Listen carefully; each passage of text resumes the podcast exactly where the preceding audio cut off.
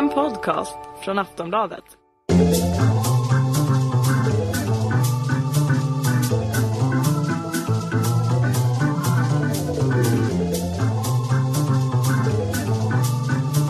We don't need no education.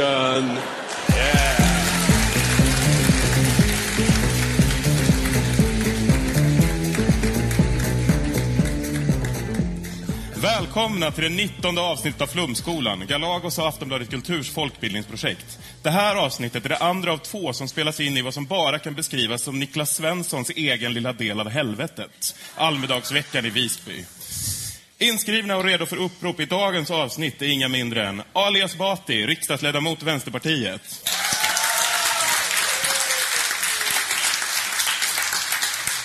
Judith Kiros, skribent på Rummet och Nöjesguiden. Och Kristoffer Röstlund Jonsson, journalist. Och ständig studierektor här bland de lärde i flum är som vanligt jag, Johannes Klenell. Begreppet going native, alltså en deltagande studie, kan ses som problematisk. Ofta av den enkla anledningen att den som studerar kommer för nära och blir en del av sin egen studie. Och boken Skinnskallar, rasister, nationalister eller hyggliga unga män av vår kulturminister Lena Adelsohn Liljeroth gör ingen besviken på den fronten. I den här boken får vi följa en blivande kulturminister försöka att förstå. Frågan är bara vad. Det bör också tilläggas att 1994, då den här boken skrevs, satt en då 15-årig Jimmy Åkesson hemma i STU i Sölvesborg. Om vi förstår honom rätt så handlar inget av det vi kommer ta upp om den här boken om rasism. Det är EU-kritik. Boken inleds med det här citatet. När samhällen är rädda för sina egna unga män håller de på att kastrera sig själva. Citatet kommer ju ur hennes egen bok. Tyckte ni om det? Jag tyckte den var ganska eh, bra som, som innehållsdeklaration för boken därför att den är, ja, den är dels eh, i huvudsak obegriplig eh, och eh, dels så får man ändå en väldigt stark känsla av att här kommer det ske väldigt reaktionära saker. Och bägge de sakerna är, är ju så att säga komponenter i boken kan man säga. Vad säger du Judith? Jag känner att det var ungefär här, och det är väl ungefär två sidor in i boken, som det började gå fel för mig. Då kände jag, håll i hatten, här kommer någonting obehagligt och väldigt, väldigt underligt att hända. Vad säger du Kristoffer? Alltså, ja, den sätter ju tonen för hela boken, speciellt det här med kasseringen. I och med att den röda tråden genom boken är ju på något sätt att man kan skylla rasismen på feminismens framfart. Det är ju ganska... Det är ju kulturministerns slutsats på många sätt. Vi ska inte gå eh, handlingarna i förväg här, utan vi går på första citatet som är Skinheads är ingen doktorsavhandling. Den ska läsas som ett tidsdokument, ett nedslag i nuet av en journalist. Den är heller inte en handbok i konsten att bli ett skinhead.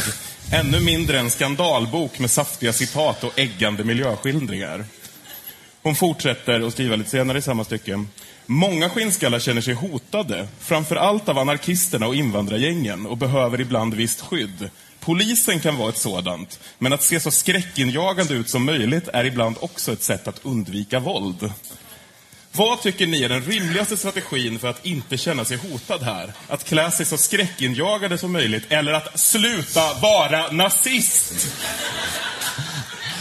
Vad säger du Ali? Ja, eh, dels vill jag säga att där, inledningen av det citatet, detta är ingen doktorsavhandling, där kände jag, här är i alla fall någonting som är sant i boken. Eh, resten eh, kanske inte så bra. Då. Eh, men, eh, men ja, det, det, det, som kommer fram här väldigt tydligt, är, som också då sätter tonen för hela boken, det är att man, man har en världsbild här där, där det, finns, alltså det finns en stor grupp vanligt folk. Vi återkommer till hur den kan definieras då, lite senare. Men, men så har man två stycken subgrupper i samhället som, kan, som är väldigt lika varandra. Det ena är då gruppen nazister som inte vill kalla sig nazister, alltså de här skinheadsen. Och den andra gruppen som, är, som är, kan liksom jämställas med den gruppen, det är då invandrare. Eh, så det är då två olika så att säga, politiska eh, och sociologiska grupperingar som är jämställda. Och sen har vi ju de här som är genomonda då, som är så kallade antirasister då, som också återkommer. Och de kallas ibland för anarkister. Det kan man säga, det är kulturministerns världsbild då. Det skulle i och för sig vara intressant att veta om det, den fortfarande är det, men det kanske vi inte får veta idag. Hon fortsätter skriva så här. Sverige har under relativt kort tid tagit emot flera hundratusen invandrare och flyktingar. Länge förnekar vi, officiellt, att denna omställning faktiskt innebar problem. Både för svenskarna och för invandrarna själva, som sällan fick en plats i vårt svenska samhälle. Reaktionerna täcker hela skalan, håll i hatten nu, från kända vandringslegender om invandrare som odlar potatis i parkettgolvet, till attacker mot flyktingförläggningar. Däremellan finns en stor gråzon där de flesta av oss befinner sig. Och där kommer ju definitionen på vanligt folk. Så. Alltså nu blir det ett referensskämt för er födda 19, äh, före 1985. Men menar alltså Adelsson Liljeroth att de flesta är typ, alltså av oss är typ Göran Gillinger i 30 november? Det där fattade inte så. Jag var född 89, så... Men får jag, alltså, det, det, är ju faktiskt ett oerhört fantastiskt citat om man tänker sig att det, definitionen, alltså, man kan vara, om man är som minst rasist, då är man sån som sprider bisarra rasistiska myter. Då är det liksom ena extremändan för att vara vanligt folk och andra extremändar att bränna ner flyktingförläggningar. Så de flesta är mitt emellan. Man, mitt eme är det då, alltså att man, okay, alltså man, man, för att inte vara extremist måste man ändå spotta lite på invandrare. Man ser ibland, kanske inte på vardagen, men i alla fall på helgerna bränna lite kors och sådär. då är man liksom mitt emellan. Då. Och, och det, det känns ju som en ganska skrämmande förståelse av vad som är vanligt folk. Då. Vad säger du Judith? Men det som också är så intressant är att lite senare, nu vill jag inte gå händelserna i förväg, men lite senare får vi ju stifta bekantskap med folk som faktiskt har bränt flyktingförläggningar. Och även då läggs det fram som att det var någonting spontant. Eh, de var ute och latchade lite, det gick lite för långt. Det är inte så att de är nazister, de bara råkade ha med sig tändare. Eh, så jag tycker att det är ganska intressant där. Det kanske är så hon menar med de flesta av oss i gråzonen. Det är så här, vi skulle ju inte göra det egentligen, men om fall vi pushades, om, det, om vi kanske blev lite fulla, sjöng lite sånger tillsammans, gick ut på stan, då kanske någonting skulle hända. Mm. Och det, men det är lite slumpmässigt att det blev flyktingförläggningar. Ja, det kunde ha varit vad som ja, helst. Det kunde vara vad som helst. Nu råkar det bli Det kunde ha varit en kiosk. Alltså, eller... läser man, ja men de är väldigt spontana skinsen. Det är en oerhört Mm. spontan subkultur. Det är ju samma sak när kulturministern går på vit maktspelning och beskriver att ja, de sitter och kör. Hon dricker ju för övrigt bärs med om hon är som någon Hunter S. Thompson. Vi kommer till det. Ja, förlåt. Ja. Normaliseringsbonanzan rullar på och vi läser Fryshusets så kallade skinheadprojekt är en mycket liten del av de många verksamheter som pågår där. Men av olika skäl är det den verksamheten som fått mest uppmärksamhet. Det är beklagligt av flera anledningar, inte minst därför att den mediala slagsidan skrämt många invandrarungdomar som redan har, eller som skulle kunna ha, frysen som en naturlig mötesplats. Någon rasistisk verksamhet är emellertid aldrig tillåtits på Fryshuset, även om symboler som hakkors, varghakar och odalrunor, liksom provocerande tidningar och bilder periodvis funnits i och utanför skinnskallens lokal. Sett till att varghakar, odalrunor och hakkors alltså inte ses som nazistisk aktivitet på Frysen. Var går då Adelsohn Liljeroths gräns för vad nazisterna ska pyssla med på Frysen för att det ska kallas nazistiskt? Gaskammare? Ja. Det återkommer ju hela tiden i den här boken att eh, Lena Adelsohn Liljeroth beklagar sig över att de här invandrarungdomarna har en självbevarelsedrift. Eh, hon säger väldigt ofta saker som, men invandrarna hatar verkligen de här skinsen. De vill inte umgås med dem, de vill inte ta en bärs med dem, de vill inte se dem som riktiga människor. Eh, och då kan jag tänka, kan det ha att göra med att de misshandlar invandrarungdomarna? Att de faktiskt är ute efter att förgöra dem och skicka ut dem från landet. För det återkommer ju faktiskt de hon intervjuar till väldigt ofta också. Men de gör det bara spontant. Ska vi säga. Just det. Men i den där lokalen så fick de ju hålla på och snickra och hålla dem sysselsatta för att de inte skulle gå ut och slå folk på käften. Så lyfter de ju flera gånger fram hur händiga de är och hur bra de är på att bygga saker. Så att de hade nog kunnat snickra ihop en gaskammare och då kanske, hon, då kanske kulturministern hade sagt, ja men nu får ni tagga ner, det här är ju ändå nazism. Nu har ni lämnat gråzonen precis. mellan Om ni, flyktingförläggningar om ni och... håller, håller er till att bygga asatempel och vikingabåtar som ni vill göra och låter gaskamrarna vara så kan vi, då är det okej. Hon fortsätter att peka på den icke-existerande nazistiska aktiviteten på Fryshuset när hon skriver Några är igång med jobbet. Roine rollar ena en av väggarna. Petter letar hammare och spik medan Hasse föredrar att hämta en öl. Ovanför mitt huvud sitter ett uppspikat vargskinn, Ylva kallat. Och på golvet nedanför står vikingatavlor och inramade foton av skinnskallar på marsch i väntan på nyupphängning. Och så givetvis en svensk flagga.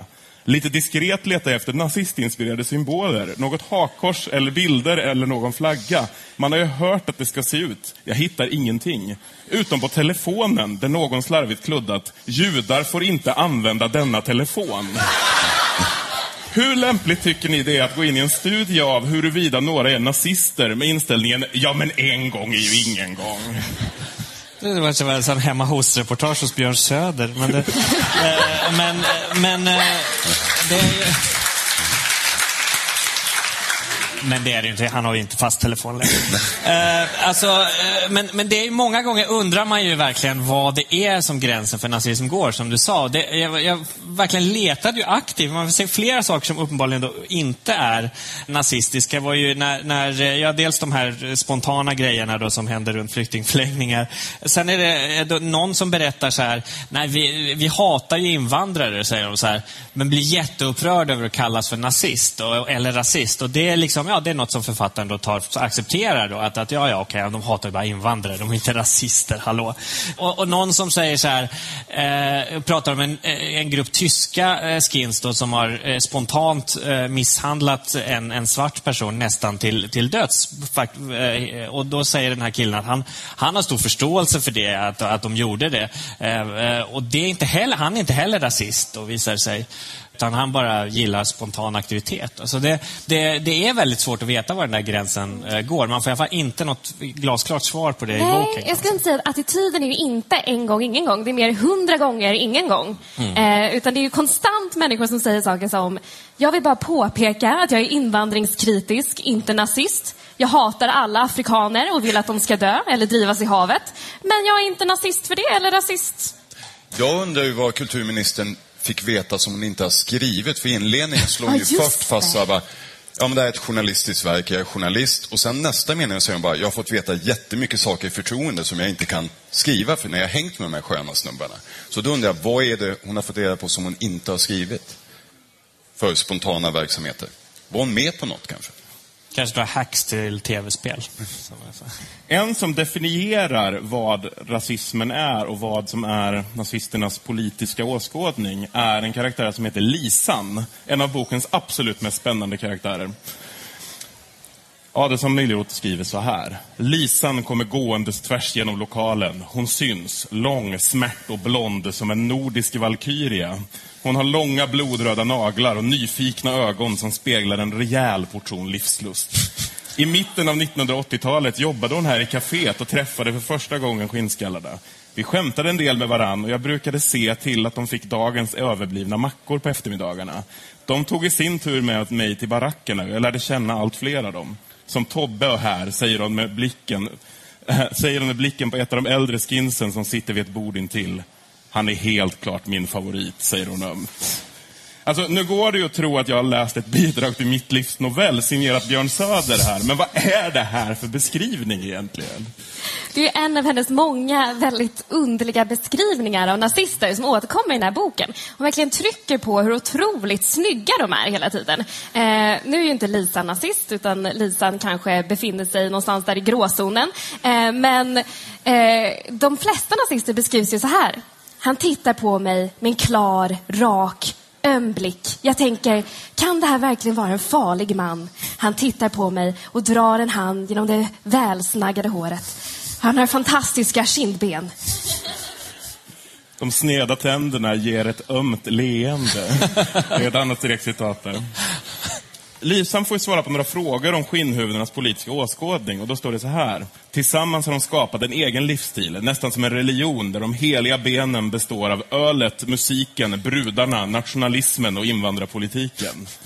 Hur ser deras nationalism ut då? Lisan ler lite vemodigt. Ibland tycker jag den känns som gamla 40-talsfilmer.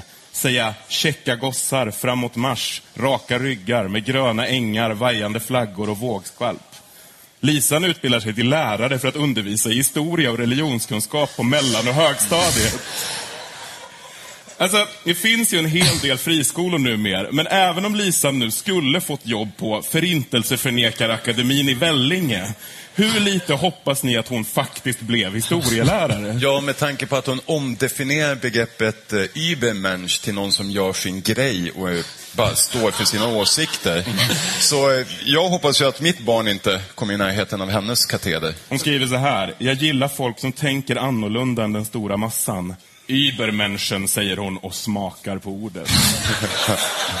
Men hon är alltså inte rasist Nej. eller nazist? Hon, är ju, hon har ju bara adopterat dem och så har hon favoriter som Ja, fadderbarn på något sätt. 40-talsfilmer känns ju också bra. Det måste ju vara liksom, en viss kategori filmer mellan ungefär 41 och 45. då, som man Avläneri tänker- första. Ja, avläneri första. Precis. Eller bara 91 Karlsson. Nytt kapitel i alla fall. Nu går vi in i musiken. På väggarna hänger t-shirts med reklam för Midgårds söner, flankerade av svenska flaggor, vikingasymboler, bilder av asagudar och solmärket. Det är varmt och stämningen är hög. Oj, musik kallas skinnskallarnas rock. Oj, är de här kretsarna ungefär liktydigt med tjena? alltså, Kristoffer, vad är det som händer här? Ja, jag vet inte. Det är väl någon, som sagt, någon kulturministerversion av Hunter S. Thompson som försöker förstå, ge sig in i en kultur.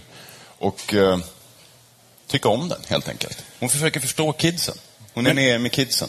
Men är inte att påstå att oj är ett annat ord för tjena, lite som att påstå att är du dum i huvudet är ett annat sätt att säga vilken bra studie av skinnskallar du gjort? Jo, lite, men jag fick ju lite så här känslan, tänk om det är så att det är jag som har missuppfattat. Man såg de här bilderna från massa halvnakna män som står och heilar eh, och, och, och ropar eh, oj eh, när de lyssnar på hård eh, nazistmusik. Att det egentligen bara är folk som bara ropar, är väldigt vänskapliga och ropar jättemycket tjena. Eh, och att det är liksom frustrationen över att ingen förstår det och svarar tjena tillbaka som är liksom grunden till att det har gått så fel. Kan vara så. liksom- Man måste ju våga- våga ställa de frågorna och ta den Egentligen så debatten. sjunger de bara hej, hej, hemskt mycket hej. Ja, precis. Men de får ingen respons. Okej. Så om de, om de så kallade invandrargängen och anarkisterna bara hade svarat med armen och sagt hej. Hola. Ja, då, då hade vi inte haft något problem på gatorna. Vi får nu träffa Midgårds söners sångare 19. 19 är väldigt bekymrad över en mängd saker, till exempel moskéer. Och då skriver Lena Adelsohn Liljeroth så här. Men försöker jag igen. Om ni nu fick bygga ett asatempel, skulle det då bli lättare att föredra en moské? 19 funderar ett tag. Ja, faktiskt, säger han så. På almanackan har han en dekal med texten Kräv asatempel nu. Han fortsätter. Det skulle ge jobb åt 200-300 skinheads. De skulle kunna bygga ett tempel och ha olika projekt om asar och asatro, förklarar han entusiastiskt. Skolungdomar skulle kunna komma på besök. Det skulle bli en stor attraktion. Att skapa jobb genom asatro, är inte det här ganska exakt Sverigedemokraternas arbetsmarknadspolitik? Jo, det- alltså, eller så något som de skulle kunna anamma eh, från och med nu faktiskt, eh, tror jag. Man kan tänka sig så Fas Midgård, Fas Ragnarök, eh, istället för de som har liksom gått lite ut på, på datorn. Då. Så det var, jag hoppas att det är ingen som lyssnar här från Sverigedemokraterna, för det, det, det här kan bli en hit i valrörelsen. Jag tycker det låter som en briljant idé. De är ju väldigt händiga, har vi redan fått reda på. Varför inte bygga ett tempel? Det, Kan finns, de få utlopp för sin manliga energi? Det skulle kanske ta ett tag med tanke på att deras främsta intresse är att dricka öl. Så jag vet inte hur bra det går att snickra och hamra om man är packad hela tiden. Men, Men ingen har ju sagt en- att det behöver bli ett bra tempel. Nej. Men hur, många, alltså hur länge kan de vara sysselsatta? Hur många asatempel tål Sverige? Nej till asatempel. Det är ändå en ganska marginaliserad religion. Ja, men jag skulle också vilja se de här stackars skoleleverna som blir utskällda av en skinnskalle som skriker Vikingar hade visst horn på hjälmarna, ungjävel! Vi fortsätter med hennes beskrivning av just 19. Då skriver hon 19 styrketränar och går på ninja. Ett slags kampsport, säger han som förklaring till de muskulösa armarna som de demonstreras under en tight t-shirt. En annan som bär åtsittande T-tröja för att demonstrera sina biceps är ju Anders Borg. Tror ni han också går på ninja? Absolut. Absolut. Kron, han betalar krona för krona. Hon fortsätter med att beskriva Midgårds söners musik och då skriver hon så här. De texter han skriver till Midgårds söner har ofta ett miljöbudskap. Som den här. Svanar som simmar i Sveriges sköna skärgård. Syner som fått viking att fälla en tår. Här vattnets ljuva ånga speglat solens brand. Då fylls jag med stolthet för mitt fosterland. Sverigedemokraterna beskriver sig på sin hemsida som partiet som för en seriös miljöpolitik. Men är tanken att vi ska driva el ur svanar och vikingatårar? Ja, jag tänker så här, det, det, är, ju- det är helt fantastiskt om man liksom hör den, den eh, textraden och tänker så här, ja, miljöbudskap. Check. Eh, jag, jag tänker liksom, hon, hon tänker så här kvällsjournalistiskt, att man har såna rutor, så här Aftonbladet, så här, nazism, nej, det går inte. Utan så här, invandringskritik, check. Miljöbudskap, check. Svan, som är väldigt svensk, check. Men Så är det klart. Är 19 som hon sen frågar om han återvinner och han lite skamset säger att han inte ens återvinner sina sopor. Ja, det var han. Är han? Ja. Men han köper ekologiskt ibland, sa han. Han köper ekologiskt tvättmedel. Ja, just det. Så var det. Han kanske menar att han liksom fångar djur eh, själv på stan. Svanar till exempel. Det är liksom hans Men jag tänker att han sitter där när han inte komposterar och gråter en stilla tår. Och, och samlar på svanar. svanen. Ja. Vi går vidare till nästa kapitel. Då går hon på konsert med Midgårds söner. Som den blivande kulturminister hon är så är Adelsohn Liljeroth verkligen inte att blyg att gå på kulturevenemang. Hon besöker därför en konsert med miljövännerna i Midgårds söner. Här är det killarna som är aktiva. De hämtar öl, småknuffas och gruffas lite på grabbars, grabb, grabbars vis till och med. Ibland bränner det till och skinsens egna vakter går emellan. Men här och var finns också nyktra och gravallvarliga unga män runt 25 till 30 år. Prydliga herrar med sidbena och de har absolut inte kängor eller rakad skalle. Men t-shirten skvallrar om ursprunget. Storm, eller devisen “Morgondagen tillhör oss” kombinerad med en bild på hakkors eller, och vackra ariska ungdomar. 19. Vokalisten i Midgårds söner äntrar scenen till stigande jubel. Bandets punkare har gjort sig konsertfina med det uppstående håret färgat i blått, lila, rött och grönt. Ölen flödar, musiken dunkar och volymen ligger på maximal nivå. Efter ett tag börjar alla sinnen gå på högvarv. Överallt är det vikingasymboler, tatueringar, ringar i öronen, t-shirts med varghaken, SS-nålar och stampande kängor. Framme vid scenen trängs yngre skinheads som hoppar, skuttar och dansar med armarna runt varandras axlar. På sorbavis. Dansen hör till ritualismen när det är fest i vit maktvärlden och det är nästan bara killarna som dansar. En tjej skulle nog riskera att bli nedtrampad. Högerarmarna åker i luften med jämna mellanrum och ett tiotal skriker Sig Heil mellan varje låt. Alltså, jag vet faktiskt inte vart jag ska börja. Men det är ju fortfarande inte nazism det här Nej, någonstans. absolut inte. Det, här väldigt mycket överdrifter De i PK-Sverige. Ja, de bara säger hej till varandra. Ja. Men det här var ett sånt konstigt kapitel. För sen kommer ju, så kommer det in en maskerad AFA-tjej, eller hur? Nej, Eh, hon är inte enda hon maskerad. beskrivs som ful i hela Ja, boken. det är den enda människan som har beskrivits som ful. En ful tjej försöker få uppmärksamhet i något hörn någonstans och dela ut anarkistiska pamfletter. Sen kommer det här väldigt mystiska. Jag vet inte riktigt vad som hände sen, men hon är inte med under resten av kvällen. Men, Vad men det- är det som hände med den, med den här AFA-tjejen? men grejen är att det konstiga är att hon är inte bara, hon delar ut anarkistiska pamfletter, men kulturministern beskriver att hon är helt täckt i vit makt-knappar. Just det! Så Just att, det. jag vet inte vad det där var Jag för tänkte mig att det var någon undercover AFA-agent. Fast, Och sen- att Lena Adelsohn Liljeroth mycket väl vet vad som hände med henne sen, men att det inte lämpar sig för boken i fråga. Det kanske med tanke av Vet på- vad som hände sen med kulturministern? För hon skriver så här. Jag är med mina snart 40 år garanterat äldst på stället. Men ingen vare sig frågar eller tittar. Tobbe, vakt ikväll och gammalt skinnhuvud sedan snart 15 år, frågar oroligt om jag har det bra, om musiken är okej, om att alla är snälla och jag vill ha något att dricka. Det blir en öl till. Det är, ju, det är ju en väldigt avslappnad tillställning. Eh, så, så det är klart att man liksom slappnar av lite om man har jobbat hårt innan. Och så. Och hon, hon, är, hon är lika spontan som skinsen. Ja, precis.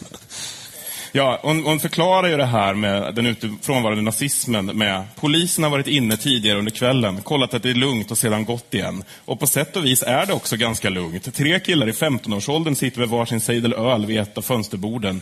Till och från hetsar de varandra med att skrika Sieg Heil och sträcka armen i luften. Det hela är närmast patetiskt och får mig att minnas en period när ord som knulla och kuk fick oss småtjejer att explodera av fniss och spänning. Alltså, är det här verkligen en jättebra liknelse? Nej, jag tänkte själv liksom när man växte upp och det fanns liksom skinheads som, som hotade en och, och det, det var... Kanske, igen då, kanske man måste vara lite självkritisk. Att istället för att, att bli rädd och, och så, tänker man borde liksom fnissat lite. Att det var jämnt. De försökte bara liksom... Det var som att de sa kuk. eh, och att det egentligen bara var det. De bara retas. De bara retas lite, retas lite. Ibland så blir, går det spontant lite överstyr, men det... Man får liksom stryk, men det är lite småfnissig stämning Ja, hela tiden. precis. Så att, så att när folk ritar hakkors på synagogor så är det bara som den klassiska taggen kuk. Precis. Men jag tänker att om skinheadsen faktiskt sa knulla eller kuk och sen fnissade lite och sprang iväg skulle det ju vara helt okej. Det kanske är det hon försöker uppmuntra här. Ta ett annat ord. Någonting annat lite skämmigt. Jag önskar att hon ändå hade löpt hela Hunter S. Thompson-linan ut och istället för en bärs till hade tagit LSD. då, hade, då tror jag han hade beskrivit den lite ännu mer färgsprakande faktiskt. Vi går vidare till ett senare kapitel. Nu får vi träffa Nina. Nina, 19 år, är en vacker flicka med rådjursliknande gång och långa ben. Hon känner de äldre skinnskallarna sedan länge och betraktar en del av dem som sina allra bästa killkompisar. Nina är mörk, hennes mamma är svenska men pappa är afrikan. Nina är ännu en av alla som jobbar på Fryshuset och som blivit kompis med skinsen. Hon fortsätter skriva. Nina går numera inte så gärna till skinnskallarnas lokal. Hon gillar inte att se småtjejerna sitta där. De blir utnyttjade, menar hon. Går laget runt och fungerar mest som madrasser. Men jag följer gärna med killarna ut på krogen. Det visar sig att Nina ofta är den som är nyktrast. Det har därför hänt att hon fått ta hand om pengarna, avstyra bråk och till och med fått följa med ett par av dem till sjukhus när det smällt till. De är mina barn, säger hon tryggt. Man förvånas. En sorts modern Florence Nightingale. Alltså, en snabb Wikipedia-koll ger oss att Florence Nightingale är känd för sin insats under Krimkriget då hon arbetade vid en sjukstuga i Skuttari i den asiatiska delen av Konstantinopel. Mot slutet av kriget fick hon en arbetsledande befattning. Bland annat lyckades hon sänka dödligheten vid militärsjukhusen i Krim från cirka 42 till 2 procent. Inte minst genom i samråd med specialister förbättra de vedervärdiga hygieniska förhållandena på sjukhuset. Är det verkligen rimligt att jämföra det här med att hjälpa ett skinnhuvud till sjukhuset när han börjat slåss på fyllan? Nu har du en väldigt närsynt läsning. Då. Så det, som är, det som är viktigt här det är ju att de båda är kvinnor. Eh, och eh, det som är den genomgående röda tråden i den här boken är ju just att allt det här handlar om att, att eh, män blir väldigt missförstådda. De blir liksom, ja, deras manlighet blir liksom misshandlad i, i, eh, i den här eh, stora socialdemokratiska eh, politiskt korrekta vaginalstaten. Eh, Och att de då reagerar på det här sättet och det måste man förstå. Och det, och och det är ju samma sak då så i det här fallet. Att, att Florence Nightingale liksom skulle komma och fixa till grejer när männen hade spårat ur lite genom att eh, hålla på med Krimkriget. Och i det här fallet då, så, så hjälper hon till lite när de här männen eh, på ett icke-nazistiskt sätt har spårat ur och, och, och misshandlat någon och blivit misshandlade. Så det, finns, det, är, en, det är en klockren liknelse sett ur den, det perspektivet. Då. Det är väldigt många vårdande, ömma kvinnor i den här Mm. boken. Eh, Men Nina tar verkligen priset, tycker jag. Hon uttrycker senare att, att hennes favorit är denne Tobbe. Eh, Hon säger att han är en av de absolut härligaste skinsen. Och sen så frågar hon Tobbe vad han tycker om Nina. Och han säger att han skäms för att synas på stan med henne. Ja, och han, han blev sur på Nina för att hon hade berättat för kulturministern att de ens kände varandra. Precis. Jag känner att Nina inte får ut så mycket av den här vänskapen. Jag undrar vad som hänt med Nina och Tobbes vänskap nu.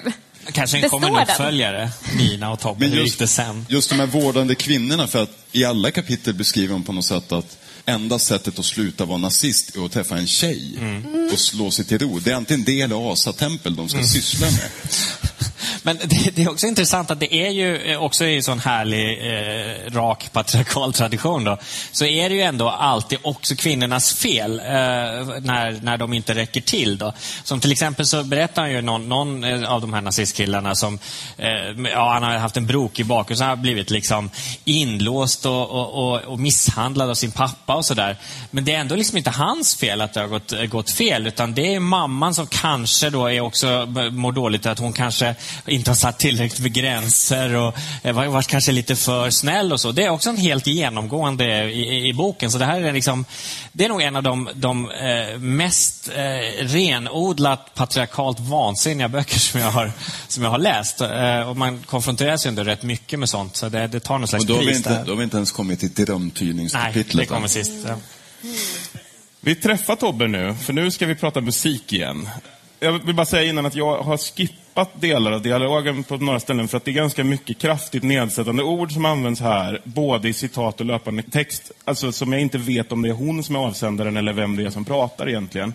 Bara så ni vet. Och jag har liksom försökt göra någon sorts avgränsning som ska hålla. Ehm, Tobbe har funnits på Fryshuset i många år. Vi har nickat till varandra och bytt ord när vi setts i korridorerna eller i Skinnskallarnas egen lokal. Han tillhör den innersta kretsen, innersta skinnescirkeln och kan dess historia. Idag har han viss distans till sina ungdomssynder, men har inte klarat av att bryta sig ur gänget för att satsa på en framtid med jobb och familj. När vi träffats har han alltid varit artig och uppmärksam. Ger gärna en komplimang om man i hans ögon är lite häftigt klädd. Han hämtar kaffe eller öl och är mån om att man ska ha det bra. Till vårt möte har jag tagit med mig ett exemplar av Skinsens musiktidning Blod och ära, musik för ras och nation. Alltså, redan vid att musiktidningen heter har undertiteln Musik för ras och nation, det borde väl liksom sätta inställningen till intervjuobjektet på något sätt. Musik ska byggas utav glädje, tror jag kulturministern har tänkt här. Men jag känner ju att hela tesen är ju att vi tar skinsen på för mycket allvar. Eh, De är ju bara roliga unga killar som tycker om att latcha och inte haft eh, en vårdande mor eh, eller en bra nog flickvän för att de ska skärpa sig. Så bra som nation, ja, men vad betyder väl det i dagens samhälle? kan ju betyda ungefär som knulla eller någonting annat lite provocerande. Starkt miljöbudskap skulle det kunna vara. Ja, det skulle det kunna betyda. Jag undrar mest när kulturministern var lite häftigt klädd och vad det innebär för henne. The grip. Kängor med vita skosnören. Tobbe konstaterar, har, konstaterar att vit maktmusik inte spelas i radion. Vilket däremot den vän- omvända rasismen tillåts göra. Sådan musik som uppmanar till hets mot vita, judar, poliser, asiater. Jag slår vad av hundra spänn, säger Tobbe. Jag antar vadet. Public Enemy är ett av de mer extrema banden som uppmanar till hets och försörjelse utav gulingar, judar och vita. Eller ta låtar som Cop Killer eller Shoot the Racist med gruppen Infinite Mass. Den musiken spelas i de kommersiella radiokanalerna och har till och med fått spela i TV. Tobbe lov, lovar att återkomma med fler bevis och jag inser att det finns risk att jag förlorar vadet. Alltså, förutom att Cop Killer är en låt av Body Count och inte Infinite Mass. Hur lättövertalad är den här människan egentligen? Jag tänkte att det finns en risk för att det här stycket, eh, om det kommer upp eh, i offentligheten nu som det gör, kanske kommer vara en direkt inspiration till en ny Timbro-rapport om public service och musik. om liksom den omvända rasismen i public service. Eh, och det är ju lite trist. Men jag fattar bara inte, för hon gör ingen som helst faktagranskning på vad som sägs här överhuvudtaget. Alltså det är bara Du menar till skillnad från i resten av boken? Nej, men hon alltså, gör här blir det ju rigorös faktagranskning. Ja. Men det här är ju innan internet. Hur skulle hon få veta något? ja, det stämmer faktiskt. Innan vi skiljs åt erinrar han sig sitt löfte att ringa nästa gång någon av skinnskallarna ska besöka tatueraren. Jag har blivit erbjuden att få följa med. Viss rabatt utlovas också om jag ändrar mig och trots allt skulle vilja ha en smyckad hud. Och jag har massor av foton från de här åren. Du får gärna komma hem till mig och titta, erbjuder han. Men nu dyker redan polarna upp. Det är dags att gå till gymmet och träna. Alltså, vad är grejen med att avsluta ett samtal om en tidskrift om musik för ras och nation med att mysa lite på det här sättet? Ja, det kan man ju fråga sig. Ehm, jag tycker att hela det här stycket var väldigt speciellt. För det händer ju hela tiden att Lena Andersson Liljeroth kommer i kontakt med en nazist som säger någonting som hon sen accepterar okritiskt, upprepar till någon annan som sen berättar varför det är fel. Och då avfärdar hon den informationen helt och hållet. En mycket bra introduktion till det citat vi kommer till nu. För nu går de på skivaffär. Skivaffären Sound Pollution i Stockholm verkar sälja all möjlig musik. Punk, psych, metallic, hardcore, indiepop, heavy. Jag går in för att få höra om de har några skivor med Ultima Thule. Inne i den trånga och mörka butiken dånar musiken och vid disken står en kraftig kille i 30-årsåldern med snaggat hår och svart munkjacka. Han sorterar CD-skivor och tittar upp när jag går runt och letar. Kan jag hjälpa till med något? Jag frågar efter Ultima Thule. Sånt säljer inte. Gillar inte sån där smygrasistisk musik. Det kommer många småungar hit och tror att det är balt att vara rasist. Ultima Thule utnyttjar sin musik för politiska syften, hävdar han. Sound Pollution säljer däremot inte musik som förmedlar omvänd rasism. Till exempel den svarta amerikanska gruppen Infinite Mass, som hetsar mot poliser, judar och rasister. Det där är ju härligt, för nu har jag äntligen fått svar på vad omvänd rasism är. Och det är när man är rasist mot en rasist. Äntligen har jag fått klarhet i den frågan. Eller en polis. Eller en polis. Det är alla de här liksom jämställda grupperna. Liksom invandrare, rasister och poliser. De här tre viktiga folkgrupperna som finns som subkulturellt i vårt samhälle. Då. Eh, Som de vanliga människorna måste förhålla sig till hela tiden. Och så blir det lite bråk mellan dem och så måste någon komma och fixa sen så det. säger ju han, men de hatar ju tillbaka på de som redan hatar dem. Vilket hon avfärdar ganska snabbt. Men hon är ju väldigt tidig med här att det är en demokratifråga att man ska få sälja, att det är en rättighet att få sälja sina skivor överallt, även om ägaren till butiken inte vill ha det. Det är ju ett hot mot demokratin att Ultima Thule inte får sprida sina skivor. Nu låter det som en kommentar från Avpixlat. Jag vet. Nu får i alla fall Adelsson Liljeroth träffa lite riktiga musiker. Hon åker och hälsar på hos Ultima Thule. Uffe är inte särskilt lång, men har den sortens rondör om magen som ger ett slags godmodigt intryck. Han pratar gärna och skrattar ofta. Runt halsen har han en försilvrad Torshammare i svart lädersnodd. Egentligen var det ingen av killarna som hade trott på en sådan framgång. Uffe visar klippärmen. En tjock historia med feta rubriker om kravaller, bojkotter, demonstrationer, rasism och diverse recensioner av de flesta, neg- de flesta negativa. Jag tror att bortemot 90 procent av alla klipp handlar om rasism, säger Uffe med ett garv. Skrattar gör han därför att han tycker att alltihop är befängt. Att provocera är ganska roligt trots allt. Men när uppståndet var som värst var det jobbigt. Vi undrar ofta vad vi hade ställt till med. Till slut blev vi förbannade och tyckte inte att vi hade så mycket att be om ursäkt för. Vi blev kallade rasister för att vi sjöng att vi älskade vårt land. Bara så ni är med nu. Godmodigt intryck, rondör om magen, pratar gärna, skrattar ofta. Enligt egen utsaga inte rasist men älskar sitt land. Vi gräver lite djupare i Uffe. Nazismen hörde Tyskland och 1930 och 40-talen till. Vi är inga nazister. Däremot tycker vi att vi har rätt att hylla vårt land. Kalla det positiv nationalism istället. Det gör vi. Men visst medger han, det har gått över gränsen ibland. Framförallt när de var yngre. I gängen uppstod ibland nästan en masspsykos och började då någon skrika Sieg Heil för alla in. Och visst var det en hel del snack om farbror Adolf. Somliga hade honom inramad hemma i pojkrummet. Okej, pusselbitarna är de här. Godmodigt intryck, rondör om magen, prata gärna, skrattar ofta, lägg nu till positiva nationalister, masspsykos, heilande och en hel del snack om farbror Adolf. Alltså är inte det här typ Hermann Göring? Men det som faktiskt, om jag ska vara lite allvarligare, kommer fram igen, det är ju den här bekräftelsen av den, av den världsbild som, som, som eh, sedermera kulturministern har. Att det finns då eh, två grupper som, som är helt eh, okej, det, det, det, som är lika med varandra. Det vill säga nazisterna, som inte kallar sig nazister, och, och så invandrarungdomar. Så det är samma, samma sak, liksom, att vara invandrare som att vara nazist. Eh, ofta är det invandrarna som, som, som startar bråken, men de kan också förlåtas. Men så är det en grupp som verkligen aldrig kan, kan förlåtas. Det är de här så kallade antirasisterna. Hon kallar konsekvent så kallade antirasister. De som liksom skapar rabalder runt stackars Ultima Thule som ska komma och spela lite nazirock i den där lilla stan. Det är för, alltså förjävligt som bara, som bara håller på. Liksom. Där finns det ingen, eh, ingen som helst liksom, förståelse. Där, där måste det liksom, demokratiska samhällsförståelse vara självklar. Att antirasist kan man inte vara. Skinhead, okej, vi kan hjälpa dem lite med, med lokal och sådär.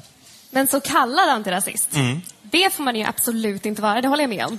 Eh, det är ju intressant att se att eh, så fort hon ska benämna den ultimata ondskan eh, så är det någon så kallad antirasist som har varit Precis. framme. Annars så är det ju eh, ledsna unga män. Hon skriver en gång när hon intervjuar en, en nazist, oj jag menar eh, icke-nazist, eh, så säger hon ju Plötsligt ser jag en ledsen liten pojke framför mig och jag känner att jag vill ta hem honom till köket och bjuda honom på en kopp varm choklad. Men så kan man ju inte göra med en skinnskalle. Eller kan man det? Det är helt. Men antirasism är, är ju aldrig spontant. För all så kallad nazism i den här boken är ju bara sånt som uppstår spontant när de är lite, när de har lite kul. Men antirasisterna är ju planerade och ospontana och förföljer med stackars Ultima Thule. Så att det är väl därför hon inte gillar Hon gillar spontanitet och liksom drag under galoscherna. Ja. Men det är ju mycket det, ja, det är mycket det Uffe säger som man känner igen från dagens samtal också. Exakt. Det här med, eh, jag är inte rasist, jag bara älskar mitt land, hatar invandrare eh, och eh, vill deportera alla till norraste Norrland. Så här. Det får man väl säga utan att kallas för rasist. Det känner man ju fortfarande igen. Ultima Thule är lite småtrötta på vikingar nu. Det finns ju fler hjältar i historien, konstaterar Uffe. Folkhjältar som Engelbrekt och Dacke, Sturarna, Gustav Vasa och Gustav II Adolf. Vad är egentligen ett budskap, undrar jag? Att få folk att läsa sin egen historia, påstår Uffe. Vi är en sorts nationalromantiker. Vi vill inte att folk ska gå i moll och bli deppiga av att höra oss. Vi vill att de ska bli glada och tänka positivt. Får man tänka på den andra Adolf istället då? Eh, nu kommer vi över till bokens kanske mest episka kapitel. Drömforskaren, jungianen och särartsfeministen Rigmor Robert stövlar in för att förklara vad det är vi just har läst för någonting. Sedan flera år leder Rigmor Robert ett forskningsprojekt i Zürich kring gravida kvinnors drömmar. Hemma i Sverige träffar hon också regelbundet en grupp medelålders män som börjat ifrågasätta sina egna livsval och som tillsammans med Rigmor tolkar sina drömmar och försöker komma underfund med vad det är att vara man. En av dessa är Anders Karlberg. Det var i själva verket Anders idé att sammanföra skinnskallarna med Rigmor. Eh, vid något tillfälle berättar han för dem om drömgruppen och Rigmors tolkningar. Skinnskallarna blev nyfikna. Känner ni liksom jag att vi står inför lite av en resa här? Det kan Jag känner att vi står vid kanten av en avgrund här. Hon verkar i den jungianska läran, som i sin tur utgår från Sigmund Freuds psykoanalys. Carl Gustav Jung, som var schweizisk psykolog och levde 1875 till 1961, utvecklade bland annat teorin om det kollektiva omedvetna, som består av uråldriga föreställningsmönster, så kallade arketyper. Exempel på sådant arketypiskt material är de muntliga sagor som har likartade motiv i de flesta kulturer och som levt vidare generation efter generation. Bröderna Grimms sagor innehåller många av våra eviga frågeställningar och symboler. I Sparta, Grekland, Persien, Indien och även i Skandinavien har det enligt historiska dokument funnits, funnits grupper av unga män som, bildligt talat, valt att leva i vildmarken, i civilisationens periferi. Rigmor Robert talar om en manlig energi som tar sig uttryck i invigningsriter som till stora delar är oförenliga med samhällets krav och förväntningar. Dessa grupper tycks ha haft en slags polisiär funktion, men de levde som vildar, ofta med totemliknande symboler som vargar och varulvar. Massajerna i Afrika har en liknande livsstil för unga krigare. Alltså, börjar vi liksom nå slutsatsen att skinnskallar är någon sorts genetiskt predestinerade sagosnutar här? Ja, hon drar ju jävligt höga växlar och sätter dem i ganska bra sällskap. De, alltså så här, saker som har fört civilisationen framåt. Så jag vet inte om skinnskallarna då är på något sätt mänsklighetens evolutionära peak. Ja, jag vet inte riktigt vad jag ska säga, för när jag läste det här tänkte jag, nu har vi kommit in i LSD-kapitlet, Ja. eller hur? Förmodligen. Drömtydning och predestinerade sagosnutar eh, är precis vad det här avsnittet handlar om. För att teorin verkar ju vara att all den där manliga energi inte får utlopp i dagens pacifistiska, feministiska skitsamhälle. Och därför är det ju bara naturligt att eh, sådana här olyckor som eh, händer, som att exempelvis att man slår ner liksom, mörkare människor och tänder eld på flyktingförläggningar. Men sen också när hon säger att, Rigmor säger att de ser ju ganska hemska ut. Men om jag hade träffat de här unga männen i Bosnien så kanske jag hade känt trygghet. Så jag vet inte om hon menar att skinnskallarna hade kunnat stoppa den etniska rensningen i Bosnien och hela kriget. Så vi kanske skulle ha skickat dem istället för Carl Bildt. Jag tror tyvärr att hon menar att de skulle liksom vara på hennes sida i någon slags eh, etnisk Ja. krig som hon skulle då bli tvungen att spontant delta i. Ja, jag vet. Men var verkligen, behövde Bosnien 94 verkligen mer rakade unga män i uniformer som marscherade? Ja, kanske väl. Ja, det är en bra fråga. Men här, här, här är någonting som jag verkligen eh, känt väldigt starkt när jag läste. Det, det, det, det är återkommande den här, den här liksom manligheten som har gått snett, eller som inte har gått snett utan tvärtom inte har liksom fått eh, den förståelsen. Och det som sker genom hela boken är ju, apropå sagosnutar, att också riktiga snutar blir intervjuade. Och just de, jag säger inte att alla snutar är sådana, men just de här som hon har valt ut här är ju väldigt, allihopa väldigt mycket inne på på det här att det, det, det krävs liksom mer manliga grejer eh, runt de här killarna. Det, hon träffar ex-militärer. De får ju vara med i en jävla militär grej på K1 eh, där det kommer uniformerad militär och ska liksom hjälpa dem att nå sin manlighet. Det är liksom svenska försvaret används till detta. Det kommer fram att minst tre av de här killarna, minst tre, jag tror det är fler, eh, som uttrycker en väldigt, väldigt stor entusiasm inför jakt och vapen. Och, och så är det, och så, är det eh, så, så, att liksom de här beväpnade grupperingarna i vårt samhälle tycker verkligen att de, här ska de tas till, till dem. Och man tänker så här, kanske är det precis det som har skett och då i så fall är det allvarligt. En sak som, bara sista grej, det, en sak som händer är att om hon pratar med en, en polis som, säger, som berättar de här eh, nazikidsen då, som inte är nazister. Och då säger han så här, eh, då frågar Lena Adelsson Liljeroth så här. Men skulle du kalla dem antidemokratiska eller odemokratiska? Nej, det skulle jag inte göra. Däremot har de ett förakt för svaghet, säger han. Och så fem rader längre ner kommer samma person med tips att flera av dem borde göra militärtjänst. Och man tänker så här, vore det verkligen jättebra? Men så blir man ju lugnad då, för att den här killen som säger så, han är inte polis längre, utan han, är, han jobbar bara inom säkerhetsbranschen. Så då kan man ju vara lugn. Då. Hon anknyter till den bibliska myten om den förlorade sonen och faderns stora glädje när denne så småningom återvänder hem. Den skötsamme sonen, som alltid har gjort det han blivit tillsagd och uppfyllt alla plikter, får inte samma kärleksfulla mottagande. Det är för att den återvändande syndaren som det, göd, det är för den återvändande syndaren som det gödda lammet slaktas. Det är för honom man ställer till kalas. För han har något att komma hem med. Han har skaffat sig livserfarenhet och vet något om hur det är på andra sidan, där faran finns. Alltså, hjälp mig nu. Var fan är vi någonstans? Alltså, vad är faran? Var är den här platsen där nazisterna befinner sig? En gränszon ute i vildmarken var det väl, där de lever med sina totemdjur och all denna upp... Liksom, vad heter det? Uppdammade ja, manliga energin det, det, här var också väldigt märkligt. För jag tänker, den här typen av förståelse finns alltså för eh, nationalister, rasister eller hyggliga unga män. Men anarkisterna då? Mm. Vart passar de in i den här, det här drömska jungianska scenariot? Men de kanske bara kämpar för att bli den här förlorade sonen. För att all, nästan alla de här beskriver att de har haft dåliga förhållanden med sina föräldrar. För de kanske börjar ut och röjer nu som nazister för att de ska kunna komma hem till sina föräldrar och bli omhändertagna och firade och kanske utveckla den här relationen med sin Lammet far. Lammet slaktas ja, när de precis. De hyllas när de kommer tillbaka efter att ha slagit mm. några invandrare på käften. Ja, det är ju absolut. Hon tycker att det är helt fel att ta avstånd från mm. nazister. Mm. Det är ju absolut det man inte får göra. Men det verkar ju som att det, det, det, det, det Rigmor Robert i alla fall är inne på, det är ju att det finns en slags liksom nedärv eh, behov. En del är liksom födda till att försvara gränserna och det råkar nu i vårt samhälle ha blivit skinheadsen.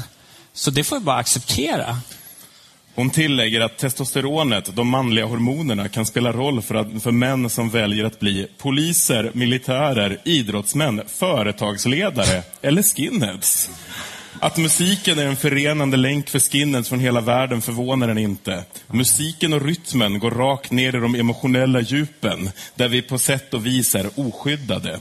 Kustjägarna sjunger under anfall brutala, våldsamma och skrämmande sånger som inte har lärts ut av något befäl. Sådana bilder och ord uppfinns ständigt på nytt och lever vidare genom århundraden. Alltså här känner jag mig verkligen helt borta. Sjunger kustjägare under anfall? Mm. Vad sjunger de då? Det är lite oklart, men med rödgrön försvarspolitik kommer det vara Björnen sover. ja. ja, men... Det lär väl vara något om svanar? Och vikingatårar. Nej, men alla har ju bara missförstått. Det är ju bara hej, hej, hemskt mycket hej som fram till. Jimmy Åkesson, tja-la-la-la-la. Ja. Det är ritens språk som ger deras gäng en symbolisk identitet. I alla tider har det varit en huvuduppgift för män att försvara territoriets gränser. Det gäller även oss närstående djur som till exempel babianer och schimpanser. I sin inre värld är också skinnskallarna patrullerande vakter som ska bevaka gränserna. Mm. Var läcker det in hannar från andra stammar? Var går gränsen obevakad? Alltså, har vi nått punkten att det är naturligt med nazism för att babianer också är främlingsfientliga nu?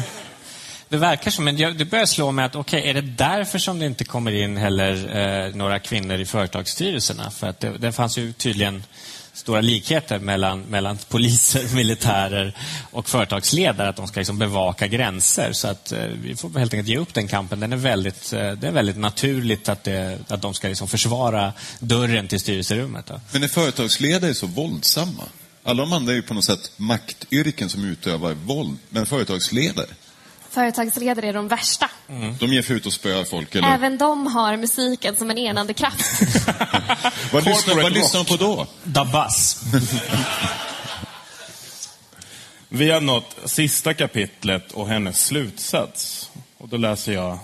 Jag har känt maktlöshet och ilska när jag upptäckt att det sällan lönar sig att argumentera i sak eller bena upp frågor där vi har olika uppfattningar. Många skinheads väljer utanförskapet. De vill helt enkelt inte lyssna. Och just därför måste vi ha en dialog. Demokratin måste visa muskler. Frågan är därför var i samhället vi kan finna uppgifter för den här sortens män, om det nu är så att vi bef- det befinner sig i en slags frontlinje. Som Rigmor Rigmor Robert antyder, för ett land i krig är detta inget problem, men för ett land i fred är det möjligt att finna uppgifter som går ut på att beskydda och bevara och som samtidigt innehåller ett mått av risk och spänning. Uppgifter där dessa unga män behövs och samtidigt kan få lite erkänsla för sin insats. Det måste bli möjligt. Alltså är alltså bokens slutsats om det, att om det bara var lite mer krig så skulle vi inte ha några problem med rasism? Så att vi får väl invadera Norge och ta tillbaka det då. Så har vi löst den. Det, det tycks vara slutsatsen. Det, det, det liksom bästa man kan göra då, det är att bygga asatempel utan skyddsutrustning. Så får man både lite sån bevak, alltså asatempel som man sen beväpnar och bestyckar då förstås.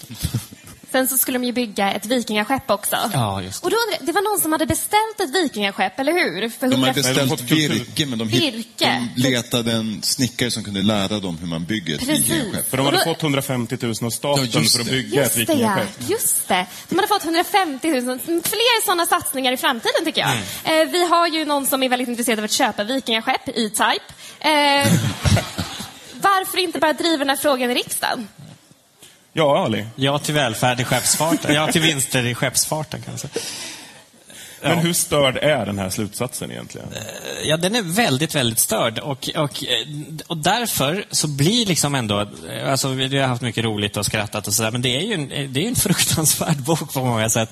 Och det som slår ändå, förutom att det är mycket saker som går igen i debatten idag, som vi borde liksom tänka lite på, är ju detta att uppenbarligen för den politiska journalistiken i Sverige så, så är det eh, mycket mer intressant om någon har betalat sin tv-licens eller eh, tv-avgift eller inte, än att någon har skrivit skrivit en bok, någon som blir minister då. För det här är ju inte vem som helst. Det här är ju vår nuvarande kulturminister som har varit i flera år.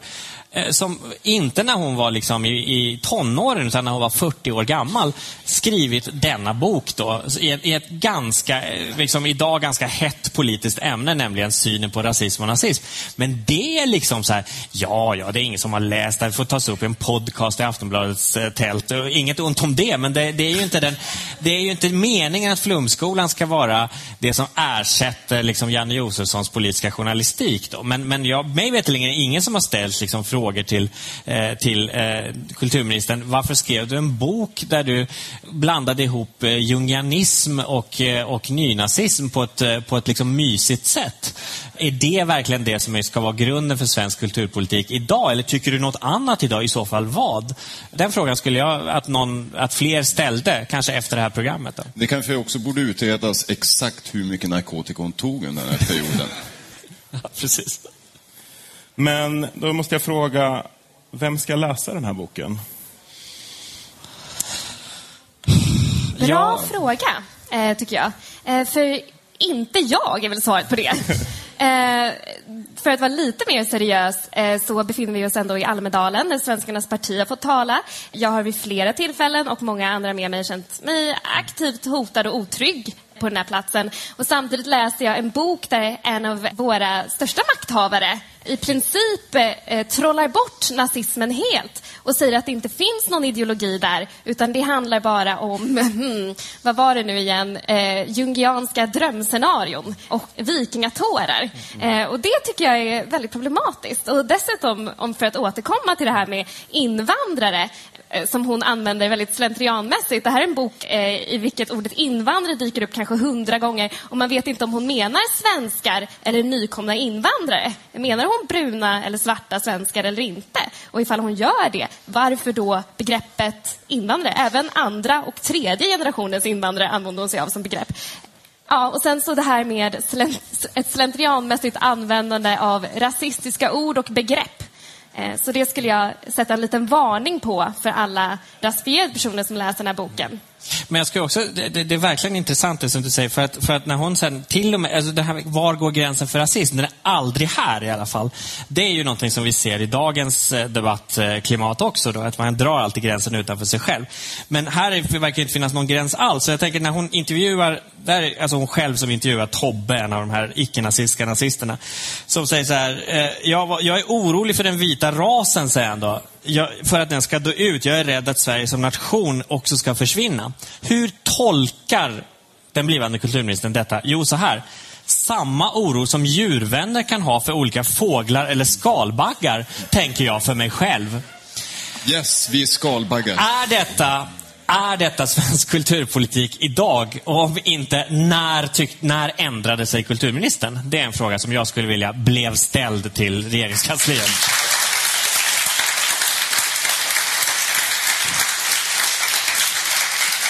Men om vi ska fortsätta på allvaret så intressant är ju att Sverigedemokraterna verkligen i boken beskrivs som ett öppet rasistiskt parti som är liksom på samma linje som Skinnskallarna, som i och för sig inte är rasister då. Men, och de beskrivs liksom som, av, även av polisen och myndighetspersonerna som intervjuas som typ ett hot mot samhället. Men märkte du att de beskrevs som välklädda gossar i 30-årsåldern? Ja. Jo. Eh, Jag fick ju en väldigt tydlig bild av en viss person när hon sa det. Men alltså konsekvent är ju också att alla skinheads beskrivs som oerhört väluppfostrade och artiga. Så de har ju uppenbart gått på en skärmskola, men de kom inte till att lära ut att inte vara nazist. Utan det var bara typ att ta i hand och bocka och buga när man träffar äldre människor. Bjussa på öl. Ja, precis. Artig. Vad har ni lärt er av att läsa den här boken? Att rasismen eh, var och är en del av, av eh, det svenska samhället och att det finns en mycket, mycket oroväckande tendens till såna här folk som redan ser uppifrån och ner på samhället att, att, att försöka, eh, eh, att när de liksom närmar sig en grupp som de försöker förstå, att helt missa alla maktperspektiv som existerar. Och här, är, här är ju en, liksom en, en, en blivande eh, tung borgerlig politiker som ändå känner så här, mm, här, är, här är gossar som, som liksom, de hotar inte samhället så som jag ser det. Eh, bara de får ett asatempel att hålla på med eller vikanskepp så är de liksom en av oss. Och den känslan, den är jäkligt... Eh, den är skrämmande faktiskt. Alltså jag, jag tycker det var skrämmande att läsa det här. Och det är skrämmande att läsa den här boken som, kommer, som är skriven 94, kommer 95 utan att Ny Demokrati nämns en enda gång. En gång nämns det att någon av dem röstade på Ny Demokrati. Men nu Uffe. skulle han, ja, Uffe. Men nu skulle han rösta på Sverigedemokraterna kanske, då, eller något sånt där. Eh, Men, men, men alltså, som att Ny Demokrati och all det, allt det som de ställde till med, ändringen av det politiska landskapet på grund av det, det är inte ens intressant. För det är så sjukt normalt att det är liksom bara, det är att bara glömma det. Nynazism, ja, eh, ka- kanske lite problematiskt ibland, men, men eh, då måste vi liksom handskas med det socialpolitiskt och aldrig, aldrig kalla dem för rasister, för då kanske de blir sura och blir rasister. Judith? Okej, vad har jag lärt mig av den här boken? är en väldigt bra fråga. Eh, men jag måste ju säga att jag ser med en annan blick på tårtskandalen eh, nu med Makode Linde. Jag förstår att en person som skrev den här boken och kom fram till de här slutsatserna inte heller skulle fatta varför det är problematiskt att skära i en, en svart kvinnas kön som vit person. Så ehm, jag förstår dig, Lena Adelsohn Liljeroth. Vi har närmat oss varandra.